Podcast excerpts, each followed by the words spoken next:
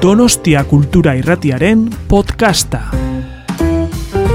Arratzaldeon, elkarrizketa hau e, gazteleraz izango da, e, liburua ez dagolako euskaratua horren dikan. Gero, galderen garaia heltzen danean, ba, zuek aukeratu ze hizkuntzatan nahi ditu zuen galderak. E, frantzesak ere balio du, bai berak eta bainik hitz egiten dugu. Orduan, zuek erabaki baino gazteleraz izango da. Eh, en este literactum dedicado de manera especial a la memoria, nuestra protagonista de hoy es Marta Barone. Nació en 1987 en Turín y lleva toda su todavía corta vida ligada al mundo editorial, ligada a las palabras. Eh, ha sido incluso lectora profesional. Toda escritora o escritor es antes lector que escritor, pero en su caso esto eh, es un grado más todavía. Ha publicado tres libros infantiles y la novela en la que vamos a centrar hoy la entrevista es Ciudad sumergida, editada por Random House, que es un libro sobre la memoria, supongo que algunos lo, o algunas lo habréis leído, pero no sobre su propia memoria, sino eh, sobre su padre. Es una especie de, búsqueda arqueológica de memorias que precisamente ella no tiene y quiere tener y que busca sobre su padre. Es también un libro que refleja eh, la vida, porque no solo a su padre le interesa, le interesan también las personas que vivieron con su padre y que compartieron militancia política. Y es un libro también que nos habla de ese periodo concreto eh, en Italia y de la militancia política de izquierdas en ese periodo en Italia. Mi primera pregunta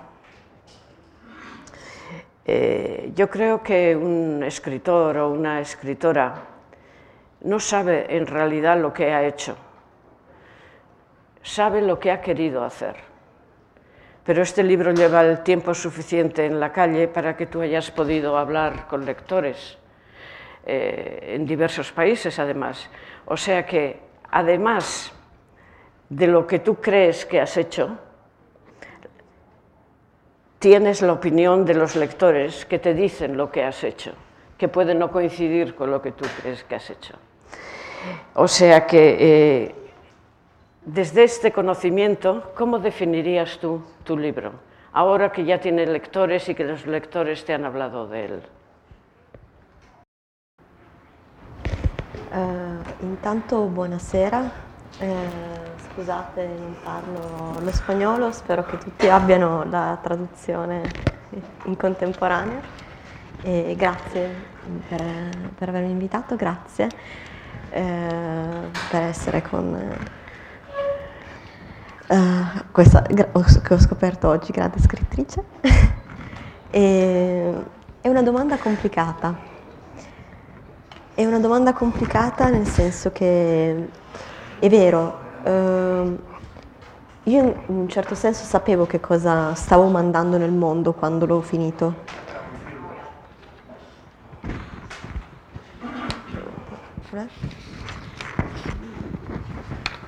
E, ehm, ed è vero che, però eh, allo stesso tempo la cosa che mi ha colpito è stata che benché molti chiaramente l'abbiano letto eh, spesso come una cronaca di quegli anni o una memoria autobiografica e basta, quindi eh, quello che io non volevo fare.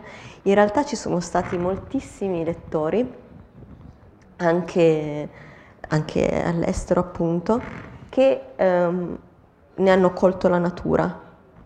Quindi forse la mia intenzione è passata in qualche modo.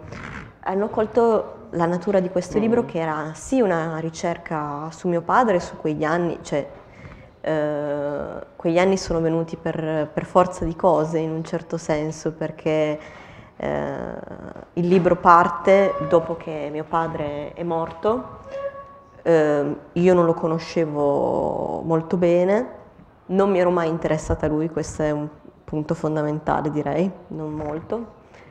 E um, ho scoperto che eh, ho trovato dei documenti riguardanti eh, quelli che eh, in Italia vengono chiamati gli anni di piombo, con questa formula abusata che io ho evitato accuratamente eh, perché ormai è uno stereotipo, eh, che sono gli anni eh, in cui stati, c'è stato il forte eh, terrorismo di destra, di estrema destra mh, con le bombe eh, in, vari, in varie grandi città eh, italiane e c'è stato un movimento di sinistra molto forte, molto importante che ha portato a tantissime conquiste, ma che poi non solo è stato schiacciato con eh, una repressione poliziesca molto forte, ma si è anche rotto in molti pezzi e eh, diciamo che ehm, una parte eh, abbastanza rilevante, non enorme ma eh, non, non, irrilevante, è andata nella lotta armata. Eh, sono poi quindi le Brigate Rosse o nel caso di questo libro si parla soprattutto di prima linea, che all'estero non è molto conosciuta perché era un gruppo più piccolo ma che in realtà è stato molto più feroce delle Brigate Rosse perché a un certo punto hanno fatto partire una specie di gara a chi uccideva di più. Dopo l'assassinio di Aldo Moro, eh, il presidente della Democrazia Cristiana in Italia, a quel punto bisognava alzare il tiro e quindi uccidere il più... Era, era diventato proprio una specie di... e in, in, quel momento anche chi poteva appoggiare alcune ragioni della lotta armata, eh, soprattutto nel mondo di mio padre che era molto contiguo, perché erano eh, in alcuni casi anche amici che erano passati da quella parte, quando è diventato questa cosa qua di tiro alla mosca, tiro al bersaglio, a quel punto mh, c'è stato un distacco molto forte. E, mh, però in questo distacco anche, ci sono state anche tante ricadute e eh, moltissime persone sono state arrestate eh, anche solo per mh, sciocchezze, pagando con tantissimi anni di prigione e stato, ci sono stati anche arresti ingiusti. Nel caso di mio padre, appunto, io ho trovato questa memoria difensiva di questo processo che lo riguardava per partecipazione a banda armata, che non era, nel senso che lui era stato chiamato come medico, lui era parte dell'autonomia operaia, quindi in quel momento aveva lasciato la professione di medico, faceva l'operaio. Scusate, sto spiegando queste cose solo per dare un contesto a, po- a quello che poi viene eh, perché altrimenti è molto difficile. A un pubblico non italiano bisogna dire alcune cose perché altrimenti è difficile districarsi. Um, lui è stato accusato di partecipazione a banda armata perché come medico era stato chiamato a curare un ferito di prima linea in un attacco mh, terroristico di lotta armata. In quel caso era, era abbastanza, eh, era anche un atto abbastanza particolarmente idiota. Mh, que- que- quella storia lì è particolarmente shakespeariana in un certo senso per eh, quella del bar eh, dove si sono succeduti tutti quegli eventi, è particolarmente... Mh, mm, perché è tutta basata su, sul caso, su, sull'accidente, sulla vendetta e anche sulla stupidità umana, no? E, ehm, qualche anno dopo un pentito, come vengono chiamati in Italia quelli che in quei casi, o anche vengono chiamati così pentiti di mafia, quelli che decidono di collaborare con la giustizia, i collaboratori di giustizia che rispondono alle domande, quindi parlano degli altri, un pentito che era un, un pesce molto piccolo, un poveretto, come eh, ben sapeva mio padre, un, un, un operaio analfabeta eh, con cui aveva lavorato, perché lui aveva lavorato in fabbrica per un periodo, era il periodo in cui i laureati, i colti i, andavano in fabbrica, era, era, era un modo per, per, cercare di stare vicino a, a, a, quelli che si cercava di aiutare. Eh, questo qua l'ha, l'ha, chiamato in causa come, come possibile di prima linea e, e lui è stato arrestato eh, anche se era già stato arrestato decine di volte perché era stato arrestato per, per atti, per, per, aver fatto manifestazioni, per cortei, per picchetti, per cose varie che per cui all'epoca si veniva arrestati ogni due giorni sostanzialmente. Eh, questo, questo, evento in realtà è stato molto più tragico degli altri perché ha, gli è costato molto di più, ma la cosa più interessante di aprire questo, fasci- questo fascicolo e leggere queste parole, scoprire questa figura che praticamente non mi era mai apparsa, era che mio padre mi aveva fatto qualche cenno all'argomento, sapevo già vagamente la storia, sapevo anche che era stato poi prosciolto, queste cose vengono dette subito all'inizio del libro perché non sono il punto del libro. Cioè lui è stato assolto con formula piena poi dopo tre processi, perché in Italia, non so se sapete, ci sono tre processi. Eh, puoi essere condannato assolto alla fine con la Corte di Cassazione. E alla fine lui è stato assolto a formula piena perché lui ha sempre detto sì, l'ho curato, questo non, non, fa di me parte del gruppo e hanno riconosciuto che non c'erano prove per cui facesse parte del gruppo. Inoltre gli stessi di prima linea dicevano sì, lui è politicamente eh, un militante di estrema sinistra, ma sen- mi ricordo bene le parole di, quel, di uno di questi, l'avevo sentito parlare a un comizio e ho capito che proprio non poteva far parte di prima linea, questo gruppo così, che era particolarmente anche paradossalmente pur essendo di estrema sinistra, aveva un linguaggio molto militaresco, molto maschilista, molto paradossalmente quasi, quasi, quasi più di destra che di sinistra. Cioè, rispetto ad altri gruppi era, era, proprio il più aggressivo, il più, e infatti tutti quelli della sinistra, soprattutto della mia città Torino, che è stata una delle più colpite, eh, li ricordano tutti come con, con molto... Me, mentre per, se per altri c'è un, c'è un discorso, c'è il discorso del, del, della riconciliazione, del perdono, del capire, della comprensione, del, del venirsi incontro su prima linea sono sempre visti un po' ancora come un po' belve allo sbaraglio e un po' lo sono stati, questo va detto. Io questo non lo scrivo nel libro perché eh, ho scelto una prospettiva molto particolare, ho scelto che, di non fare un memoir nonostante ci sia io come personaggio, però sono, per, sono, me stessa di qualche anno prima, quindi la persona piena di convinzioni e di certezze che all'improvviso si ritrova ad avere a che fare col fatto che di suo padre non sapeva assolutamente nulla, che mio padre una persona molto spumeggiante, molto chiacchierona, vivace, piena di amici estesi nei decenni, centinaia di amici, infatti poi sono comparsi come come appena ho schioccato le dita sono comparsi perché apparivano, eh, nonostante fosse una persona che si vantava molto, era molto egocentrico, eccetera, eccetera, non aveva mai raccontato tutta questa parte della sua vita, che erano quasi vent'anni, non aveva mai raccontato di aver fatto il 68 in Italia e di essere stato uno dei protagonisti principali del, della primavera 68 a Roma. Mai queste cose compaiono anche in documenti audiovisivi che nel libro entrano eh, con un ruolo particolare. Questo era quindi il vero, cioè quello che ha fatto scaturire il libro. Poi ovviamente c'è stata tutta la...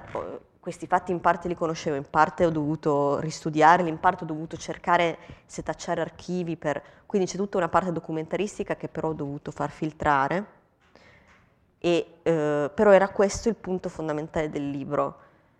Eh, tanto, cioè, che fossero gli anni 70 era accidentale, poteva essere, se fossi stato in un'altra generazione, la guerra di Spagna per qualcun altro o, o qualche altro evento storico. Um, gli eventi storici però in questo senso mi servivano per indagare sulla natura delle persone e sulla natura in particolare di quest'uomo così singolare, così eccentrico che era partito da questa cittadina sulla cima di una montagna, un, un poveretto del sud, che era eh, di questa famiglia numerosa, che aveva poi fatto, studiato medicina a Roma, aveva fatto il 68 a Roma, era entrato in questo gruppo di estrema sinistra, era andato a Torino, eh, aveva finito medicina, poi aveva, cioè questo percorso così eccentrico, così assolutamente individuale, pur essendo dentro un movimento che era di collettività assoluta ehm, e, e, mi interessava questo, questa, questo mistero dentro e il fatto che appunto di lui non ci sono tracce se non nella memoria degli altri, magari qualche memoria fotografica, ma non ci sono altre tracce perché lui non ha lasciato niente di scritto con cui io abbia potuto misurarmi con cui abbia potuto analizzare un sentimento riguardo a quello che altri mi raccontavano. La sua voce non c'è mai. Non è un romanzo in cui, a parte alcuni momenti, immagino delle scene. E, ehm, quindi questo libro era strano, era difficile quando è, è comparso perché uno si, poteva anche essere ricevuto in un certo modo come eh, una sorta di romanzo storico o cosa che non era un'opera di giornalismo, cosa che non era o appunto il lamento autobiografico eh, della figlia abbandonata. Alcune volte è stato interpretato così, ma eh, molto più raramente di quanto mi aspettassi. Molto più frequentemente, e questo mi ha colpito tantissimo, ehm, le persone vedevano quello che c'era a livello di ricerca, possiamo chiamarla con una parola un po' forte, ma che ha senso in questo senso, di ricerca metafisica su chi siamo e come ci parliamo e come ci amiamo e per cosa combattiamo e come viviamo il tempo e la storia e la memoria che è il tema di questo tempo, innerva tutto il libro. Quindi il discorso della memoria e del, mm, dello sdoppiamento delle città che prendono sia il loro aspetto storico sia quello in cui io le attraverso nel presente e le persone che portano le storie um, sono state colte bene. Quindi devo dire che sono stata felice perché è vero che c'è sempre l'interpretazione un po' personale di chi riceve e c'è sempre quel qualcuno che cercherà di più il rapporto col padre e magari eh, di, dirà è un po' più freddo, è troppo freddo per me perché io volevo il sentimento. Eh, ma io ho raccontato il mio sentimento, eh, quindi eh, chiaramente ci sarà sempre una percezione diversa. Però devo dire che a livello di mh, mm, costruzione, di tessitura, è stato, è capito e ha fatto piacere. Eh, ya hemos dicho antes que este no es el primer libro que publicas, pero incluso tenías una novela en marcha donde dices tú que buscabas una historia, eh, la historia aparente, que la historia aparente fuera lo más alejada posible de la mía. Eh, pero esa novela, dices en otro punto del libro, que esa novela estaba muerta. Eh, porque de pronto, en esta situación de novela muerta que no consigues arrancar, se cruza tu padre, se cruza la enfermedad y la muerte de tu padre. Eh, me gustaría saber de dónde viene ese primer impulso. Eh, ese primer impulso de decir, tú dices eh, en varios lugares del libro que tú no querías hacer una biografía, que tú no ibas a escribir de esto. El primer impulso es saber, después viene el de contar. Pero ¿de dónde viene ese impulso? ¿Cuál es la chispa que a través de la muerte de tu padre te hace eh, emprender una tarea tan larga y costosa como la que está traducida aquí? ¿De dónde viene eso? ¿Por qué esa necesidad? ¿Cómo la sientes? ¿Cuál es la semilla de ese trabajo? Arriva a un certo punto nel libro e lo racconto e infatti è la, la seconda scena che appare casualmente in modo strano dopo l'incipit, dopo le prime pagine. Allora, il libro morto era in realtà eh, perché volevo scrivere, perché allora appunto avevo 20 26 anni eh, quando, quando ho scoperto questa storia. Mio padre era già morto da due e io avevo in testa questo romanzo in cui in realtà volevo parlare della morte in maniera indiretta, della morte di un'amica, ma volevo che fosse un romanzo, quindi il più lontano possibile da me in questo senso. Ma non, non avevo una storia abbastanza forte in mano. Quindi ero lì che procedevo. Quindi in realtà non era stata né la, la morte e la malattia di mio padre, li avevo accuratamente accantonati. Erano stati un dolore, chiaramente, ma io avevo deciso che non lo erano. E, e, e quella cosa che succede prima dei 30 anni, essere giovani e essere assolutamente... Eh, siamo, siamo, come cavalli con con i, paraocchi, andiamo dritti per la nostra strada e non, non ci poniamo domande su, spesso su quel...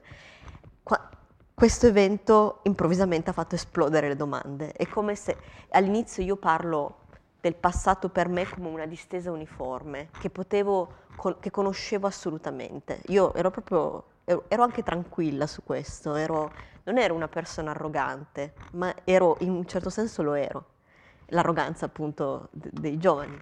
Um, ero arrogante nel senso che ero veramente convinta di aver già capito tutto, che tutto fosse già, eh, avevo già assolto, prosciolto, fatto andare, eh, non, non, ho sofferto particolarmente, facevo questi sogni con mio padre che non era morto e si era nascosto, eh, aveva fatto finta di essere morto, ma non li interpretavo come nient'altro che un disturbo del sonno, non so come dire.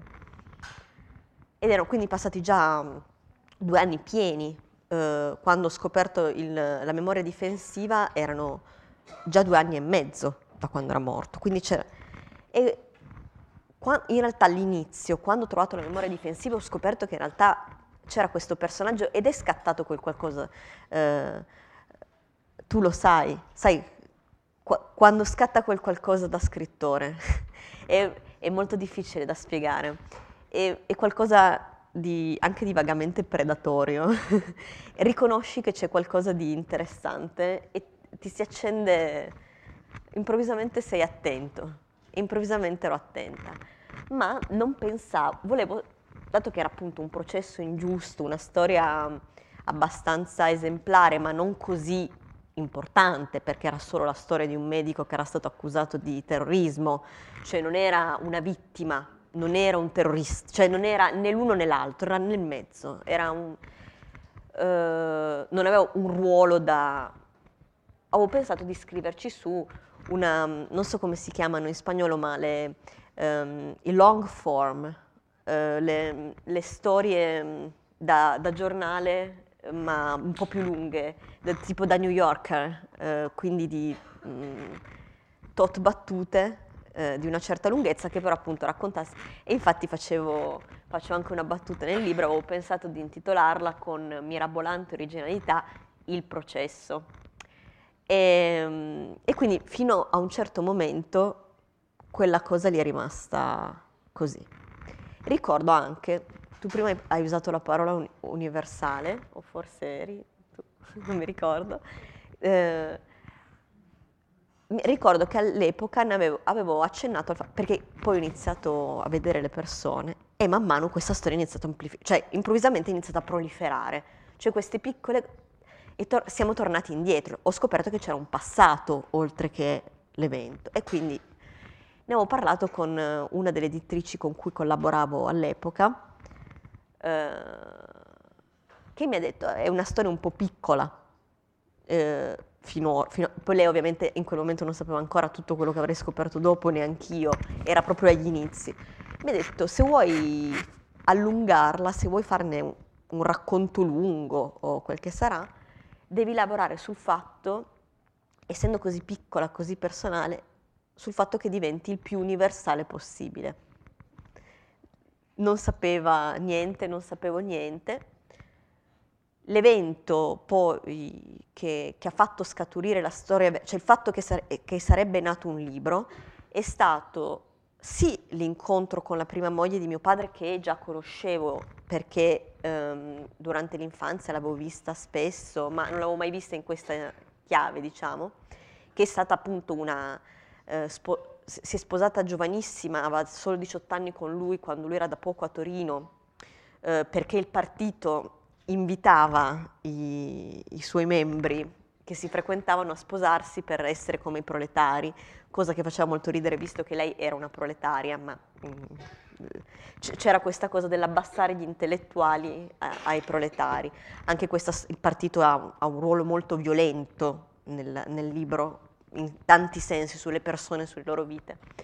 E proprio su questo evento in particolare, è quello che io chiamo i fatti di via artisti, di cui ovviamente non parlerò perché è, fulcro, è uno dei fulcri del libro, mm, molti mi direbbero ma non è l'evento, l'evento più importante, chiaramente no, ci sono eventi più fondamentali, ma quando io la chiamo Agata eh, nel libro, ho scelto di cambiare i nomi non per eh, protezione, perché tanto anche i, i, terroristi, per esempio, erano tutti, ho anche scritto a un terrorista, ci siamo scambiati delle mail, eh, tutti riconoscibili, ho, ho, cambiato i nomi perché volevo avere libertà, volevo avere distanza dalle persone che conoscevo troppo bene e dai personaggi storici, cioè volevo che avessero nomi da romanzo perché potessi manipolarli anche se raccontavo la realtà, per, per libertà.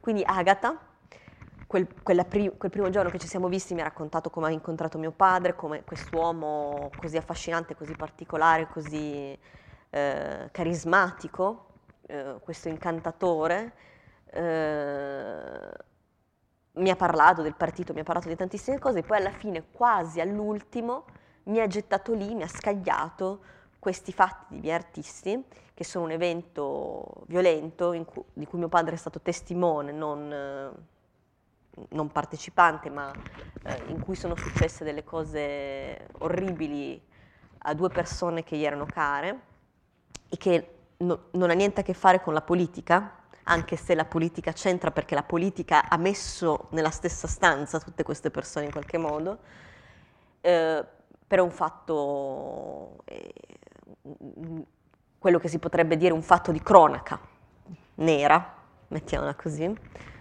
eh, quando lei mi ha raccontato questo evento, questo evento ha completamente ribaltato tutto quello che io pensavo di mio padre fino a quel momento. E ribadisco, io ero convinta di averlo capito perfettamente. Io pensavo, lo disprezzavo, pensavo tu hai paura della morte e quindi ti comporti male con me, male con tutti. Tu hai paura della morte e non lo riconosci, mentre io so di avere paura della morte. Cioè, eh, eh, non mi parli mai in modo autentico e allora vengo a trovarti e ci guardiamo e, e tu mi menti. Io pensavo queste cose, pensavo queste cose cattive, eh, pensavo queste cose ingiuste, eh, ma... Pero de ahí, eh, es para ayudarte a, eh, de ahí pasas a una cosa que tú eh, defines como un deseo violentísimo de recuperar la imagen de tu padre, de la curiosidad, partes de la curiosidad y de una cierta casualidad por la información que te llega a partir de la primera mujer de tu padre. Pero de ahí pasas a un deseo violentísimo de contar, que va sí. más allá de la curiosidad, es una especie de necesidad la que tú describes. Sì, perché questo ribaltamento di cui parlo riscriveva appunto, cioè la sua paura della morte degli altri, cioè suo, la sua paura della morte non sua, non soltanto quella, vabbè chiaramente la, la capisco perfettamente, ma lui per esempio, io ce l'avevo con lui perché ehm, per il suo rapporto con la morte in generale, lui cancellava tutto e continuava, il fatto che cancellasse, il fatto che avesse paura del sangue, lui che era un ex medico, eh, tutte queste cose eh, improvvisa- cioè improvvisamente la mia vita veniva riscritta e io cioè, in quel momento capivo di aver sempre in qualche modo equivocato, cioè è stato, quella è stata la miccia per, eh, non soltanto, primo per provare pietà per lui, pietà nel senso di compassione, eh, di compatir, proprio nel senso etimologico, di provare finalmente simpatia e in ritardo troppo tardi. Questo, il troppo tardi chiaramente ha pesato, eh. ma forse stato, questo troppo tardi è stato quello che ha fatto scattare la necessità di raccontare, perché improvvisamente capivo che non sapevo niente di quest'uomo, questo, questa immagine immobile, quest'uomo immobile che vedevo, si era improvvisamente rotto in mille pezzi e adesso io avevo questi miliardi di frammenti da ricomporre e volevo farlo. E sì, penso che quella sia stata la spinta iniziale. Prima, questo desiderio violentissimo di rimettere insieme i pezzi, di rivedere la faccia, rivederla eh, prima, rivederla, rivedere il ragazzo, non mio padre. poi capire come il ragazzo e mio padre stavano insieme, come potevano essere la stessa persona. Tuttora mi è difficile concepirlo, nonostante il libro. ¿Tú crees que eh, el padre que tú describes eh, parece tener más facilidad para querer a la humanidad doliente, sufriente, la gente que sufre, los marginados, o como lo queramos llamar, pero sin embargo no tiene esa misma capacidad de darse a las personas que tiene cerca. Eso le podía pasar. Por lo menos Sì. es la, la impresión que yo he sacado. Sì, era esattamente così. Quanto più eri- la sofferenza era lontana da, da lui, tanto più era capace di, non soltanto di provare sofferenza a sua volta, ma anche di agire. Era una persona che agiva, infatti era quello che veniva chiamato agit prop nel suo partito, era anche molto bravo nel, nel- nel nel compito, nel suo campo. Eh, l'agit prop era quello che appunto andava a parlare con le persone, si, si- occupava di quanto più erano lontane, quanto più ehm, gli era facile fare qualcosa per loro. Con le perso- tutte le persone che, che pure lo amavano tantissimo e che, volu- e che lui amava, sono sicura, amava anche me, ne sono sicura, ehm, non era capace, ehm, era come se perdesse le coordinate. Eh, è- in questo senso è un uomo cecoviano, come ne parla eh, Nabokov quando descrive i personaggi di Chekhov.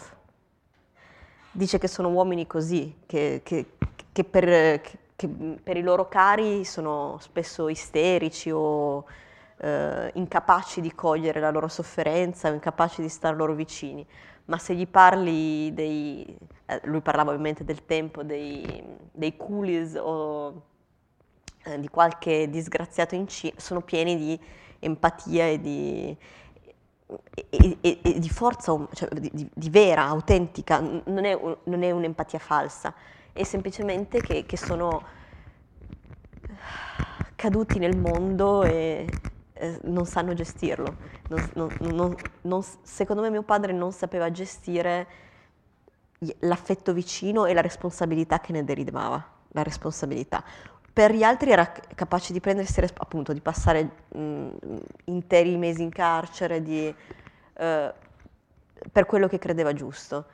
Eh, la responsabilità invece dell'umano parlare, dell'umano toccarsi, dell'umano amarsi, era una cosa che lo terrorizzava mortalmente, nonostante fosse appunto pieno di amici. Ma un figlio è diverso da un amico Mm. una compagna, una compagna nel senso di eh, fidanzata, moglie, è diversa da un amico. El padre que tú describes, y además lo dices así, eh, era como todas las personas que estamos en esta sala, eh, contradictoria. Eh, por un lado, eh, tú dices que según envejece se vuelve más colérico, se enfada con más, pero por otro lado dices que tenía un talento enorme para la alegría. Eh, significa esta contradicción que tiene que ver con la militancia, porque el hombre que tú describes no solo tiene una militancia como la que tiene, dedica lo más importante de su vida a la militancia. Es capaz de sacrificar eh, muchísimo a la militancia, pero tiene esta contradicción que tú describes entre el hombre, sobre todo con los años, que se vuelve colérico, dices tú que se enfadaba cada vez que estaba contigo, pero que tenía, esto me llama mucho la atención, porque eh, no había visto esta expresión nunca, tenía talento para la alegría. Y eso me parece precioso. Ya me gustaría a mí tener talento para la alegría. Y seguramente a muchos de los que hay aquí. Tenía talento para la alegría tu padre. Sì, sì, perché nonostante appunto, dopo essermi resa conto che ero stata cieca nei suoi confronti, avevo anche le mie buone ragioni per avere un po' di stizza verso di lui e non vederlo. Però mi sono resa conto di, di quanta tristezza fosse in quell'uomo, profonda, profondissima. Ma nonostante tutto era veramente una persona eh, capace di entusiasmare. Anzi, io credo che forse la sua militanza sia nata anche da quello, non da, mh, mm, nonostante come, come tutti quelli della sua generazione venisse da una famiglia profondamente cattolica e sicuramente ci fosse anche il senso di colpa cattolico che ha dominato quasi tutti i giovani militanti comunisti di quegli anni come atto di partenza, io penso che ci fosse un, un tema gioioso nella sua, anche in questa militanza così distruttiva in cui veramente cedevi tutto, il partito peraltro chiedeva letteralmente tutto, ti spillava fino all'ultimo centesimo perché dovevi vivere come un povero eh, quindi avevi un solo paio di scarpe, avevi, ti dovevi vestire. Infatti quelli di Servire il Popolo, questo partito in particolare, venivano anche un po' presi in giro dagli altri militanti di sinistra a Torino perché dice, cioè, anche, anche me, cioè, state tranquilli, non dovete per forza andare in giro vestiti con il cappotto stracciato, perché c'era proprio questa, questa cosa. Però era un... Però mi ricordo che qualcuno mi aveva detto che c'era anche gioia in questo tipo di vita, in questo vita, tipo di vita così. È vero, lui aveva perso, in quel momento aveva perso, ma di sua volontà, la, quello che la sua famiglia chiedeva, infatti era scappato dalla famiglia e si era nascosto dalla famiglia, perché si vergognava secondo me in parte di questo. Lui era il genio, quello con la testa, quello intelligente che doveva fare medicina e diventare il medico ricco e brillante. Lui avrebbe potuto, era un passo poi è partito, ha lasciato tutto, poi ha ripreso in parte, poi di nuovo ha lasciato. Non sapremo mai esattamente perché. Eh, provo a dare delle spiegazioni nel libro, ma non è questo il punto. Il punto è appunto per, il, il punto è che l'abbia fatto. E, ehm, c- c- c'è molto di irragionevole nelle sue azioni, eh, o irrazionale per noi. Però appunto in questa vita così um, apparentemente eh, terribile di svegliarsi alle 5 per andare a volantinare, andare appunto dai, dai, dai, più poveri a sistemargli le finestre casa per casa, a fare picchetti, a farsi arrestare, a, far, a dormire su una sedia in, in una sede eh, di partito perché, perché non si poteva più tornare a casa perché si era finito troppo tardi, eccetera eh, questa persona mi aveva detto c'era una certa gioia in tutto questo, c'era un, io credo che lui in parte parlasse della gioia della giovinezza che c'è, eh, che, e io penso che però fosse anche proprio una cosa, con, è vero, il talento per la gioia di mio padre era connaturato in lui nonostante la sua tristezza.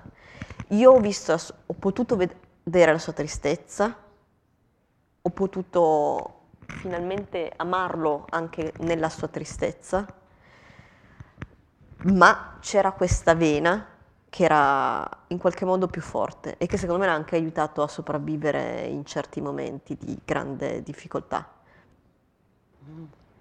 Per fare politica ci vuole gioia? Non lo so. Ci vuole talento per la gioia? Chissà. per sopravvivere alla disperazione. Eh, tú acabas de decir, nunca sabremos por qué, y evidentemente nunca sabremos por qué, pero fundamentalmente por una cosa, que yo creo que a muchas de las personas que estamos aquí nos suena, porque tu padre no contaba. Y eso, eh, nosotros hemos vivido varias experiencias relacionadas con el no contar, eh, tanto relacionadas con la guerra civil como después en cuestiones relacionadas con la lucha armada. Eh, nos sorprenderíamos muchísimo de saber qué cosas han hecho personas que tenemos al lado y que ignoramos y que seguiremos ignorando siempre. Eh, este no contar, porque tenía muchas cosas que contar. Eh, y además se supone que esa es una de la tarea de los padres. Los padres lo que tenemos que hacer Eh, y cuanto más años pasen más, se supone que lo que tenemos que hacer es dar la chapa y contar a, a los que tenemos al lado lo que hacíamos de jóvenes. Eh, no es que yo esté de acuerdo con eso, pero eso es la creencia más general. Pero tu padre no contaba, no contaba cosas importantes. Y me parece que eso merece un, que nos lo expliques, ese no contar, porque es una cuestión que a nosotros nos suena mucho. ¿Por qué no contaba?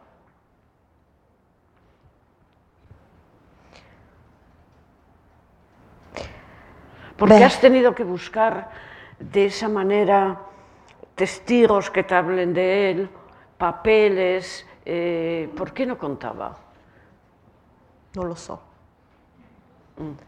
Non, non posso dare una risposta certa e forse è per questo che ci ho scritto un libro su e che si conclude infatti con la parola mistero.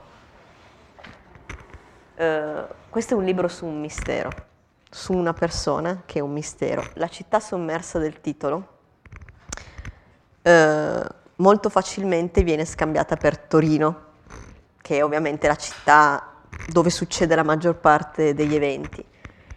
Per estensione sì, ma in realtà la città sommersa del titolo è l'uomo. Perché è, l'uomo mio padre, che a un certo punto prende, mh, quando prende il suo statuto di personaggio, quando comincio ad allontanarmi da lui a vederlo come diventa LB con le sue iniziali, Leonardo Barone.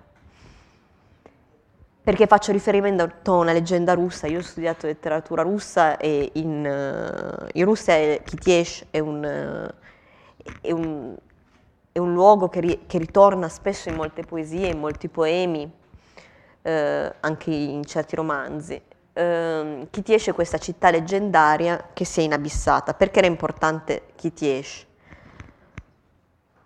Perché è una città che sopravvive sott'acqua, nonostante se- da, da secoli, da millenni, nonostante eh, praticamente è stata in qualche modo toccata da Dio, è stata benedetta perché stat- dovevano salvarsi da un attacco tataro e quindi si è inabissata e tutti i suoi abitanti vivono ancora sott'acqua.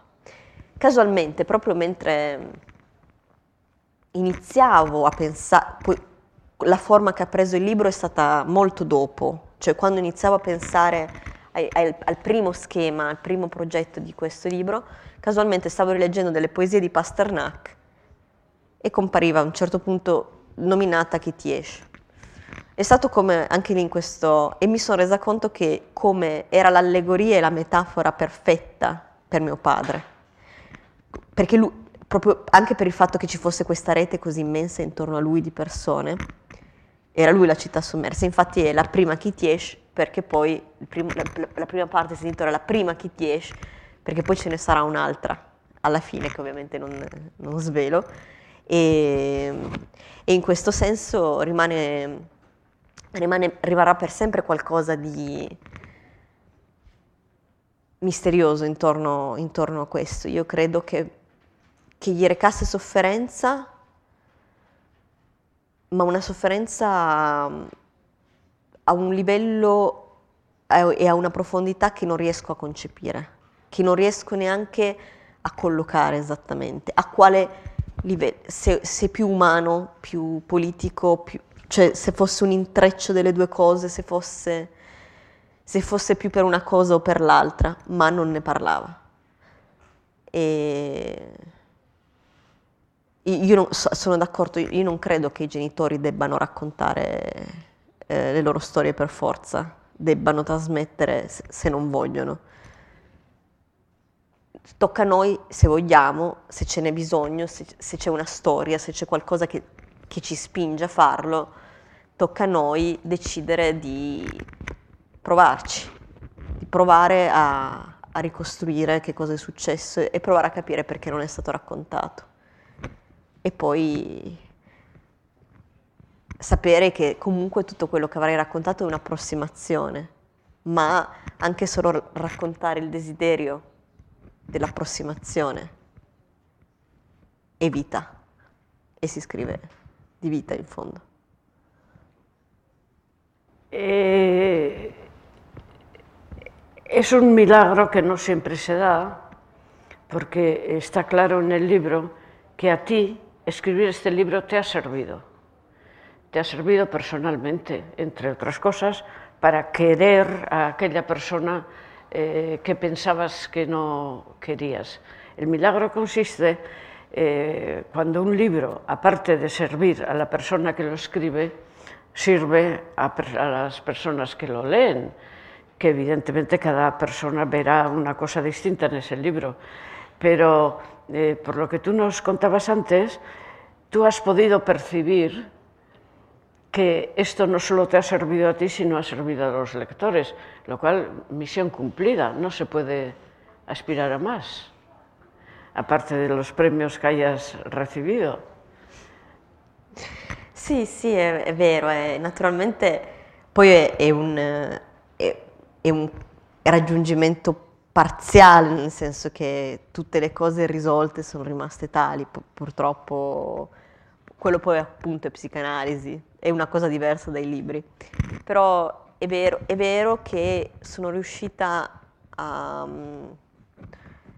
N- non voglio parlare di libro terapeutico, infatti una domanda che spesso mi viene, ma è stato terapeutico scrivere libro? No, per quello vado in analisi e pago una persona per, per, occuparmi dei miei problemi, ma è vero che è stato, è stato importante proprio per aggiungere strati a, a, questa superficiale conoscenza. Che, sì, per, per, per poter dire, eh, sì, sono eh, fiera di mio padre, nonostante fosse così bizzarro e fallimentare e sconclusionato. E, eh, sì, c'era qualcosa da amare in lui, sì, c'era, c'era un'intensità che mi arriva dopo tutti questi anni, dopo tutta questa distanza e sì, mi dispiace non averne potuto parlare.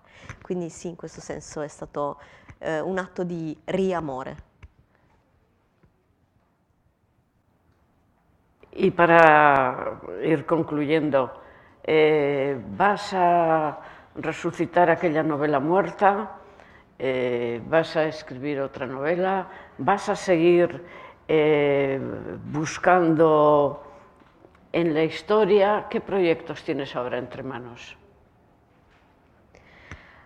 Allora, in questo momento sto traducendo tantissimo, quindi non ho più avuto modo di scrivere, perché per scrivere purtroppo ci vuole anche il tempo fisico e, e non solo lavorare ininterrottamente.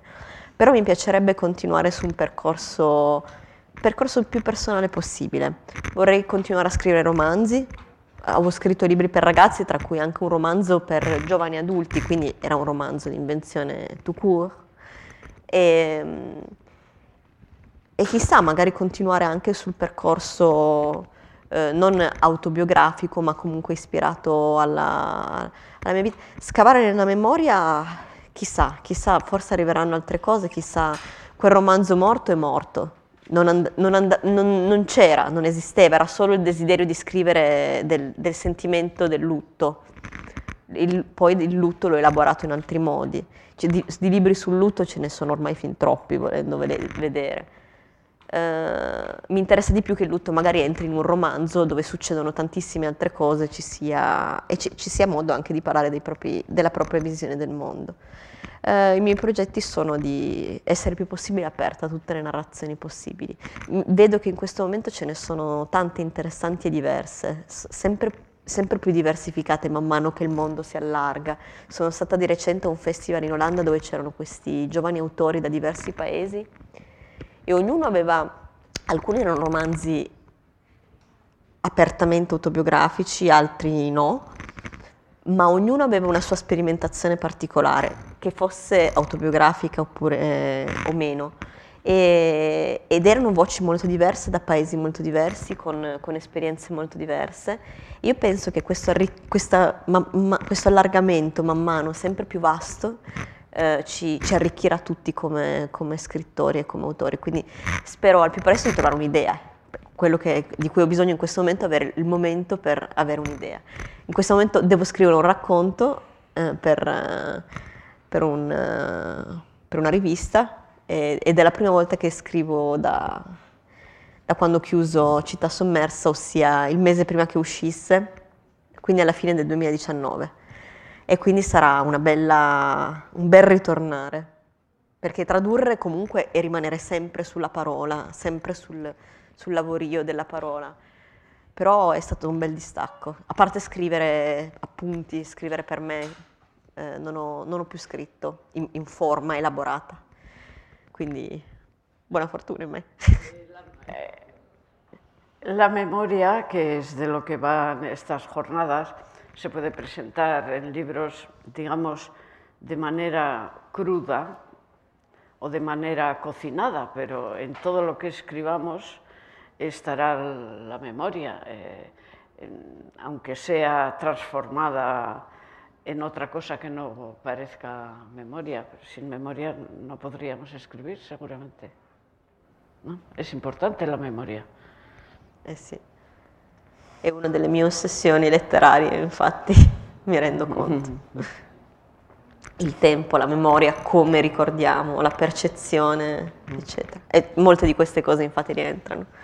No, mi, ha, mi ha colpito perché quando ho riletto il mio primo romanzo, quello per adolescenti, anche se ero molto molto giovane, avevo solo 21 anni, ero proprio piccolina, quindi c'erano molte cose di cui vergognarsi a livello di stile, eccetera. Eh, quando ho avuto la, il coraggio di rileggerlo dieci anni dopo, eh, al di là dell'imbarazzo per alcune cose, mi sono resa conto che molte delle cose che poi ho rielaborato in Città Sommersa c'erano già in maniera da adolescente, però mi sono resa conto che già questa ossessione per il ricordo, per il recupero, per, in un romanzo completamente di invenzione, con personaggi di invenzione, c'erano già. Quindi sì, eh, direi che il tema del, della giornata mi, mi piace particolarmente, mi è molto vicino. Bueno, ahora daremos paso a las preguntas, si os parece.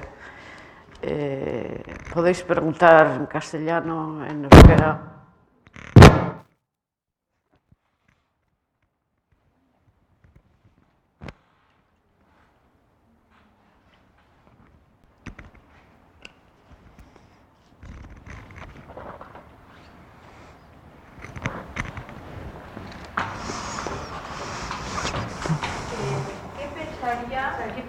Tú, eh, quizás... Espera un momentito para que puedan hacer la traducción. Micro.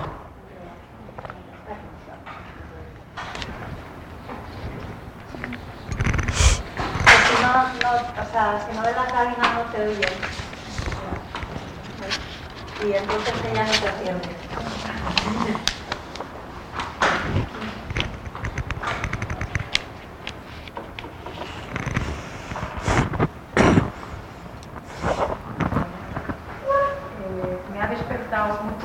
Curiosidad ya leer el libro, eso para empezar. Y me, una, una pregunta tengo. Ah.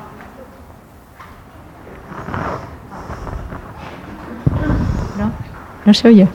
Vaya, no me voy a poner nerviosa porque ahora. Ahora. Sí. Eh, bueno, en primer lugar que tengo una curiosidad enorme ya por, por entrar en ese libro. Pienso que el padre siempre es una figura que tiene un halo alrededor que nos marca. Quizás es porque está distante, porque sale de casa, porque va a hacer su trabajo, porque nuestro padre en la época, ahora quizás conviven más, pero desde luego era el que ganaba el pan. Tenía que salir a luchar con todo afuera y la madre se nos quedaba en casa. Entonces, esa figura que, con la cual a veces hemos tenido tantas disputas, nos ha resultado un individuo extraño, nos viene a casa eh, mandando. ¿Y cómo le podemos querer? ¿No? Es un poco, yo a veces también he tenido esa, esa gran duda, y es por la separación entre padre, padre que, que va, que sale, que se implica, que seguro que tiene muy buenos amigos, que le quiere muchísimo en su trabajo, pero llega a casa agotado o tiene, tiene una mm, separación entre dentro y fuera. Bien, eh, mi pregunta es, ¿qué te diría tu padre si leyera ahora el libro?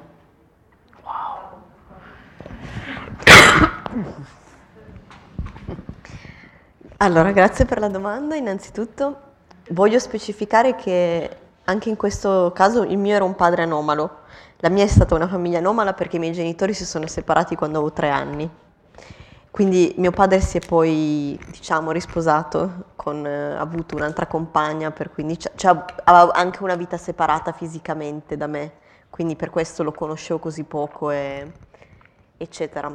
Mm, quindi c- c'è una differenza in questo senso, non andava al lavoro, eh, anzi forse sarebbe stato meglio andasse di più eh, da certi punti di vista.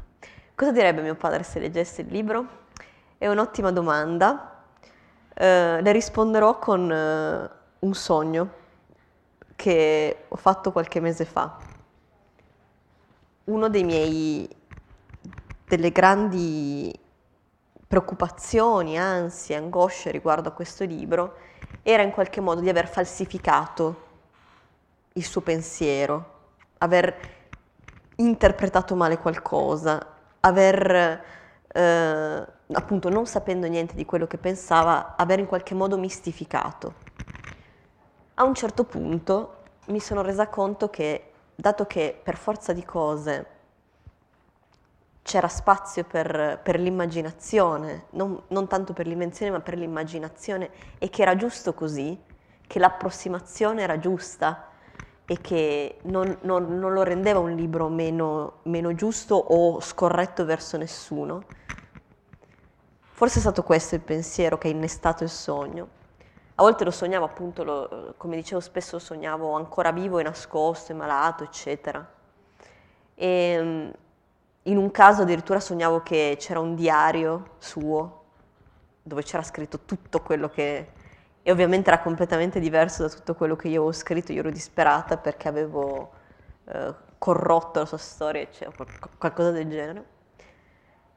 E nel sogno lui di solito, mi, mi, nei sogni di solito lui mi appare vecchio e malato, o comunque vecchio, con, con dell'età che aveva quando, quando, è morto, che non era ve- vecchio, però per me era vecchio. E, ehm, in questo sogno stranamente aveva un altro aspetto. Era più giovane, era più o meno come se avesse le foto che poi perché io ho recuperato le foto di mio padre giovane, questa è un'altra cosa importante, giovane bambino, solo dopo aver scoperto questa, cioè proprio la sua vita mi, mi, è comparsa solo dopo, io non avevo nessuna foto sua. Queste foto che mi sono state portate dagli amici in cui lui era appunto sulla tre, tra i 30 e i 35 ed era un po' più cicciottello rispetto a, ai 20-30 anni e aveva questi baffi terribili che purtroppo gli stavano molto male E questo, nel sogno aveva questo aspetto qua, questo aspetto affettuoso, eh, giovane, ten, che, non, che, non, apparteneva a nessuna età specifica. E, um, e mi diceva una cosa del tipo, tutto quello che hai scritto nel libro è falso, ma sorrideva e mi diceva, e va bene così. E, Quel sogno mi diceva una cosa importante sulla letteratura e sulla vita. È ovvio che, non, che, non, che, tutto è falso perché tutto è stato ricreato. Non, appunto, non saprò mai come in un capitolo proprio mi, mi, dispero su questa cosa di non poter sapere, di non poter sentire come, che mai sentiremo attraverso la pelle dell'altro. Per forza siamo costretti a immaginare, quindi per forza è falso. Ma tutte le storie sono false, in un certo senso. E quindi, quindi quello era un messaggio sia dal, dal, dal mio cervello di scrittore sia dal mio cervello di figlia. Sei perdonata, l'hai comunque raccontato. Penso che sarebbe felice. Perché lui voleva che ne scrivessi. Mi aveva, mi aveva detto una volta, scriverai un libro su tuo padre. Un giorno io gli avevo detto, ma, ma per favore, o qualcosa del genere.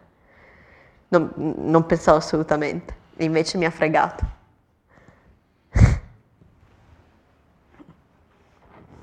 Grazie.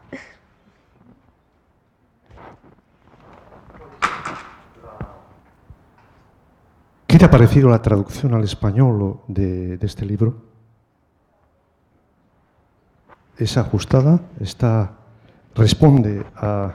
Ya sabemos que las traducciones, traducciones son traidores, los traductores, es un papel difícil, la traducción. ¿Qué te ha parecido?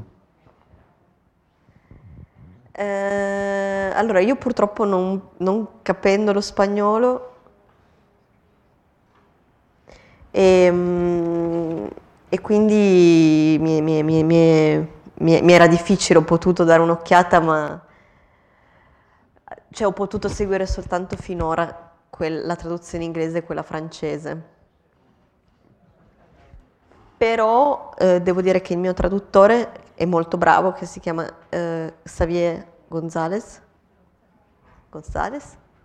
Eh, mi sta arrivando la traduzione.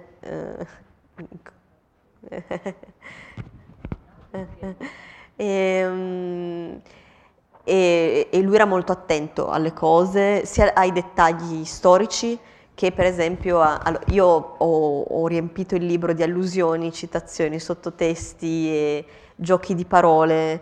È chiaro che giochi di, giochi di parole, giochi di parole che sono allitterazioni, è chiaro che la musica del testo originale non potrà mai, ma quello in nessuna lingua. A volte si può rispettare per pura fortuna, ma quello è quando ti arriva una benedizione divina, lo dico da traduttrice, quando mi trovo di fronte quelle bellissime allitterazioni con mi metto le mani nei capelli, però allo stesso tempo quello è, è quello che fa il libro bello nella propria lingua. Io penso che no, non sono d'accordo su, eh, sul fatto che le traduzioni necessariamente richiedano un tradimento del testo, secondo me possono rispettarlo semplicemente restituendo un'altra sfumatura quella, o quella sfumatura in un altro modo.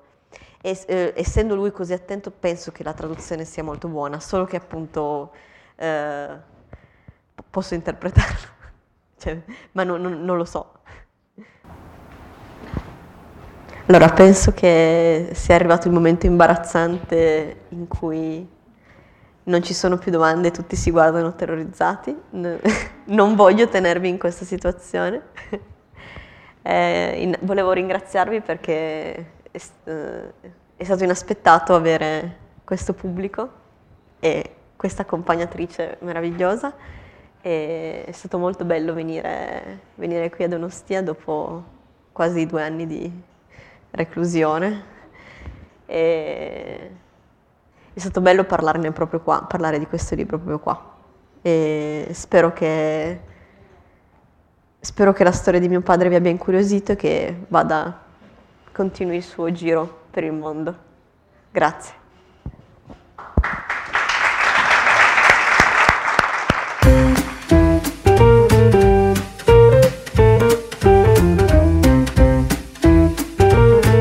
Donostia Kultura Irratiaren podcasta.